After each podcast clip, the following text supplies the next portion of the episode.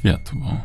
Element otaczającego nas wszechświata, bez którego nasza egzystencja na Ziemi byłaby niemożliwa.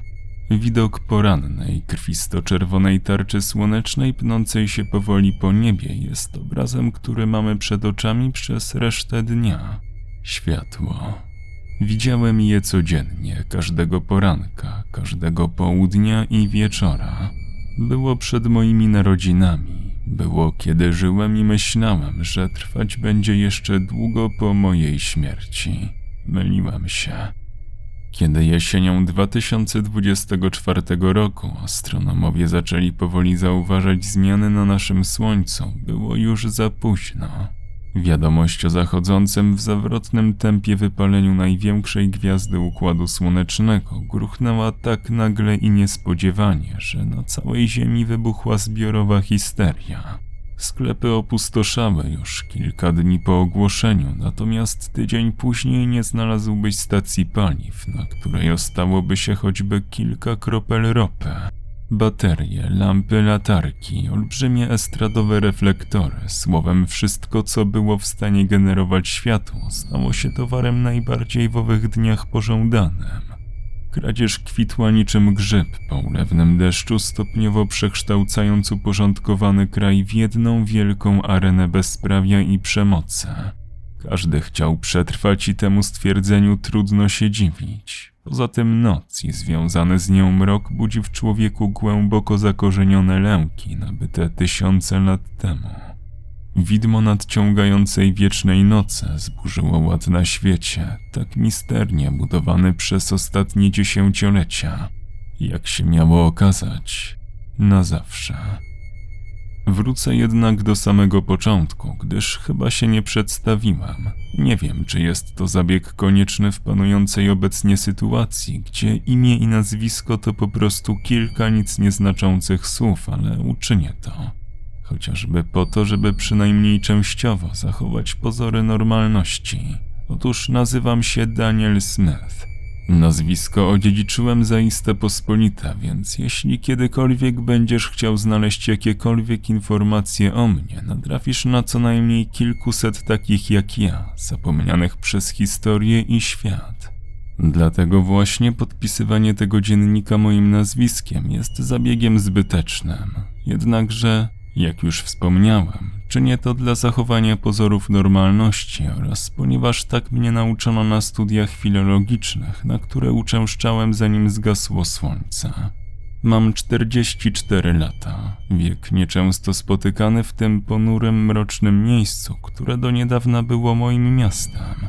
Los tak pokierował moim życiem, że wiek ten osiągnąłem nie znajdując żony, a tym samym nie zakładając rodziny. Teraz myślę, że dobrze się stało. Dzięki temu jedyną osobą, o jaką muszę się troszczyć, jestem ja sam. Wiem, że brzmi to niezwykle samolubnie i egoistycznie, jednak z dalszej lektury dowiesz się, że taka postawa może decydować o tym, czy przetrwasz, czy też nie. Skoro mamy za sobą wstęp, mogę ci wyjawić, dlaczego w ogóle usiadłem do spisywania tego pamiętnika. Wiedz, że nie czynię tego dla własnej przyjemności ani chęci zdobycia sławy czy rozgłosu. Wspomnienia te notuję tak skrzętnie w tym zeszycie z poczucia obowiązku. Jakiego? spytasz. Otóż widzisz, nieznajomy czytelniku, mam mgliste przeczucie, że kiedyś nadejdą lepsze czasy. Takie, w których słońce znów zaświeci, bądź ludzkość wynajdzie inne źródło światła. W tych czasach ktoś będzie chciał poznać historię wiecznej nocy, a wtedy odkryje mój pamiętnik. Małe, niepozorne, oprawione w tekturową okładkę ozdobioną pospolitymi wzorkami. Dzięki temu może ktoś lepiej zrozumie to, co dzieje się w 2026, dwa lata po zgaśnięciu słońca, w małym miasteczku Applefield 300 km od Kentucky. Oczywiście nie mam żadnej pewności, iż takie czasy nastąpią, jednak postanowiłem spisać te wspomnienia na przekór wszystkiemu. Tak oto dochodzimy do końca tego swoistego prologu, będącego bramą do najstraszniejszej historii, jaką człowiek mógł sobie wyobrazić. Mam nadzieję, że kiedy to czytasz, promienie porannego słońca prześwitują przez zasłonę i padają na stronicę tego zeszytu. Mam nadzieję, że nie zasłonisz kotar, odcinając dopływ światła, nawet jeśli cię razi, nie czyń tego. Popatrz przez okno w niebo i wyobraź sobie, że kiedyś wszystko to, co widzisz, spowijał mrok. Pracownia, jeśli tak w ogóle mogę nazwać pokój, w którym spisuję notatki, jest najlepiej oświetlonym pomieszczeniem w domu. Drzwi, okna i każdy inny otwór, przez który można wejść, są zabite deskami. Może wydawać ci się to dziwne, jednak ciemność nie jest problemem sama w sobie. Problemem są ludzie. Jak już wspominałem, ciemność od zawsze budziła lęk, więc gdy błądzący w ciemności człowiek dostrzeże choćby błysk światła, rzuca się ile sił w nogach do jego źródła. Nie potrzebuję wizyt otumanionych, skrajnie wystraszonych ludzi w moim domu. Dlatego na kilka dni przed Wielką Nocą pociąłem na deski moją starą szopę za domem i deskami tymi zabiłem okna i drzwi. Ponieważ Applefield jest małe, to też informacje przychodzą znacznie wolniej niż do wielkich metropolii. Internet z kolei milczał wiele dni na temat zgaśnięcia słońca, co było zapewne działaniem rządu mającym na celu opóźnienie paniki. Pomiędzy odkryciem przez astronomów zmian na Słońcu a opublikowaniem oficjalnych wieści minęły trzy, może cztery dni. Moje szczęście polegało na tym, iż wśród astronomów zajmujących się tą sprawą był mój przyjaciel, William Dorensby, który powiadomił mnie o tym już kilka godzin po odkryciu, niechybnie ratując tym samym moje życie. Miałem więcej czasu na przygotowanie się do wiecznej nocy. Moja pensja wykładowcy na uniwersytecie rozeszła się w ciągu jednego zaledwie dnia. Wydałem ją na wszelkie możliwe źródła światła, zapałki, krzesiwa i baterie, a także na mnóstwo jedzenia z datą spożycia nie krótszą niż kilka lat. Były to głównie konserwy, makarony i inne przedmioty, których wymienianie nie ma teraz żadnego sensu.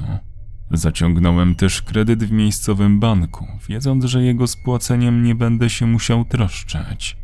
Zakupiłem za to potrzebne przedmioty, przygotowując się tym samym na nadejście mroku lepiej niż którykolwiek z mieszkańców Applefield.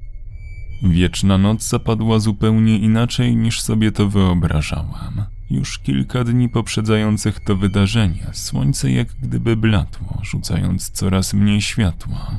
Dopiero piątego dnia, dokładnie o 15.34, zrobiło się ciemno jak w nocy.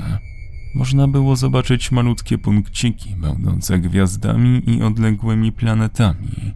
Siedziałem wtedy na balkonie swojego dwupiętrowego domu i obserwowałem to wszystko, skrzętnie notując to, co widzę na kartce. Niestety kartka zaginęła przed paroma dniami, więc nie jestem w stanie przytoczyć fragmentów owych zapisków. Pragnę wspomnieć, że wszystko piszę na kartkach bądź zeszytach, gdyż jest to o wiele trwalsze niż plik w komputerze, który do działania wymaga prądu. A z prądu, drogi czytelniku, nie korzystałem już prawie dwa lata na skutek przeciążenia wszystkich elektrowni w kraju. Było to skutkiem włączenia olbrzymiej liczby zasilaczy, generatorów i lamp, żeby rozświetlić noc. W rok po zgaśnięciu słońca nie pozostała ani jedna sprawna elektrownia. Dlatego, gdy piszę te słowa, stojąca obok świeczka rzuca migotliwy, rozchybotany blask na stronę zeszytu. Z sufitu zwiesza się zrobiony moją ręką prowizoryczny kandelabr, wyposażony w pięć długich świec, zgaszonych teraz w celu oszczędzania wosku. Gdybym wyszedł na balkon i rozejrzał się wokoło, dostrzegłbym tylko bezkresne morze mroku, obstrzone tu i ówdzie płonącymi słabo ogniskami. Applefield opustoszało, nie pozostał niemalże nikt z prawie tysiąca mieszkańców. Nie mam żadnych informacji o losie innych miast, gdyż telewizor zgasł na dobre parę miesięcy temu, gdy ulokowany w piwnicy generator pochłonął ostatnie litry ropy naftowej. Brak ludzi jest mi bardzo na rękę, gdyż dzięki temu nie jestem skazany na smutną, nudną egzystencję w domu. Mogę wyjść czasem na zewnątrz, zaczerpnąć świeżego powietrza, niedostrzeżony przez nikogo. Czy nie tak co miesiąc? Cóż, wszystko ma swój początek i koniec. Różnica polega tylko na czasie, jaki to zajmie. Kiedy byłem mały, zawsze patrząc w niebo, byłem pewien, że słońce będzie trwało wiecznie, że nie zgaśnie wcześniej niż za kilka milionów lat. Nawet gdybym wiedział wtedy, że wieczna noc nadejdzie za 40 lat, to nie przejmowałbym się. Przecież dla trzylatka to okres niewyobrażalnie długi. My, ludzie, jesteśmy zbyt przywiązani do teraźniejszości i nie umiemy myśleć perspektywicznie. Wydarzenia, które mają rozegrać się za kilkadziesiąt, może kilkaset lat, nie obchodzą nas tak długo, dopóki jest już za późno na jakiekolwiek kroki. Prawdopodobnie nigdy nie dowiem się, od jak dawna astronomowie wiedzieli bądź przeczuwali nadejście wiecznej nocy. Czy zostały podjęte w tym celu jakieś kroki? Nie wiem. Mogę jedynie snuć przypuszczenia, z których i tak nic nie wynika.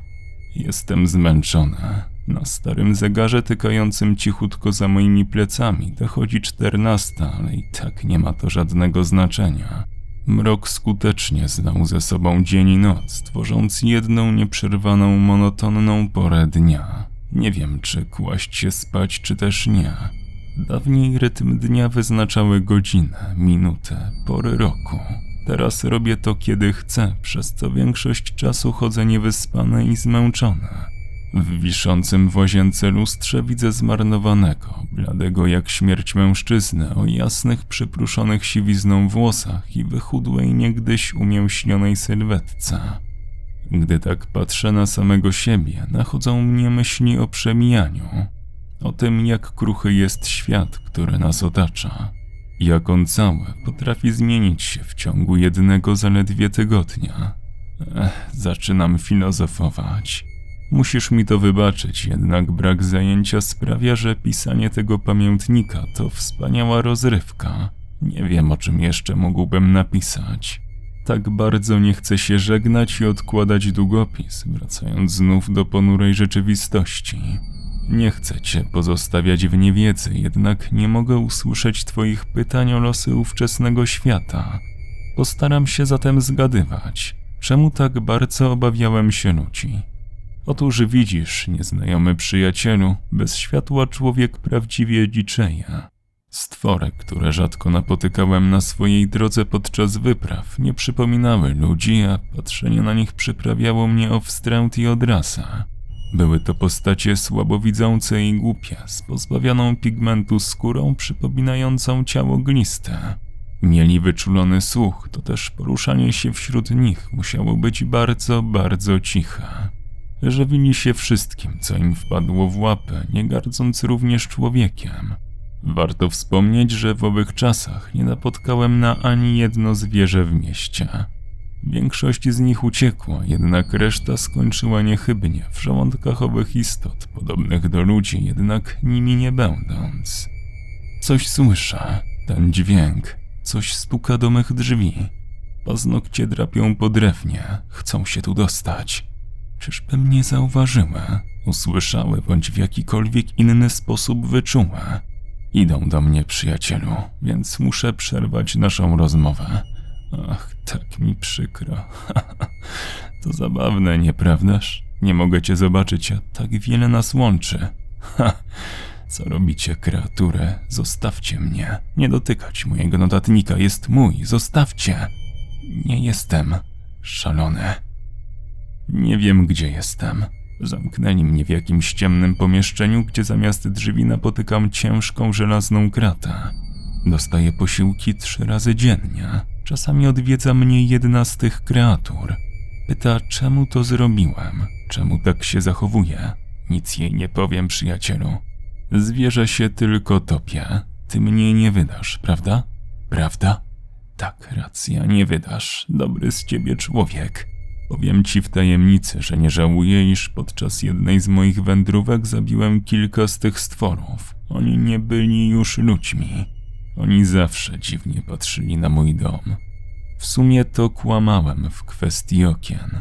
To te istoty je zabiły deskami, odcięły mi prąd, zmuszając mnie do życia przy świecach.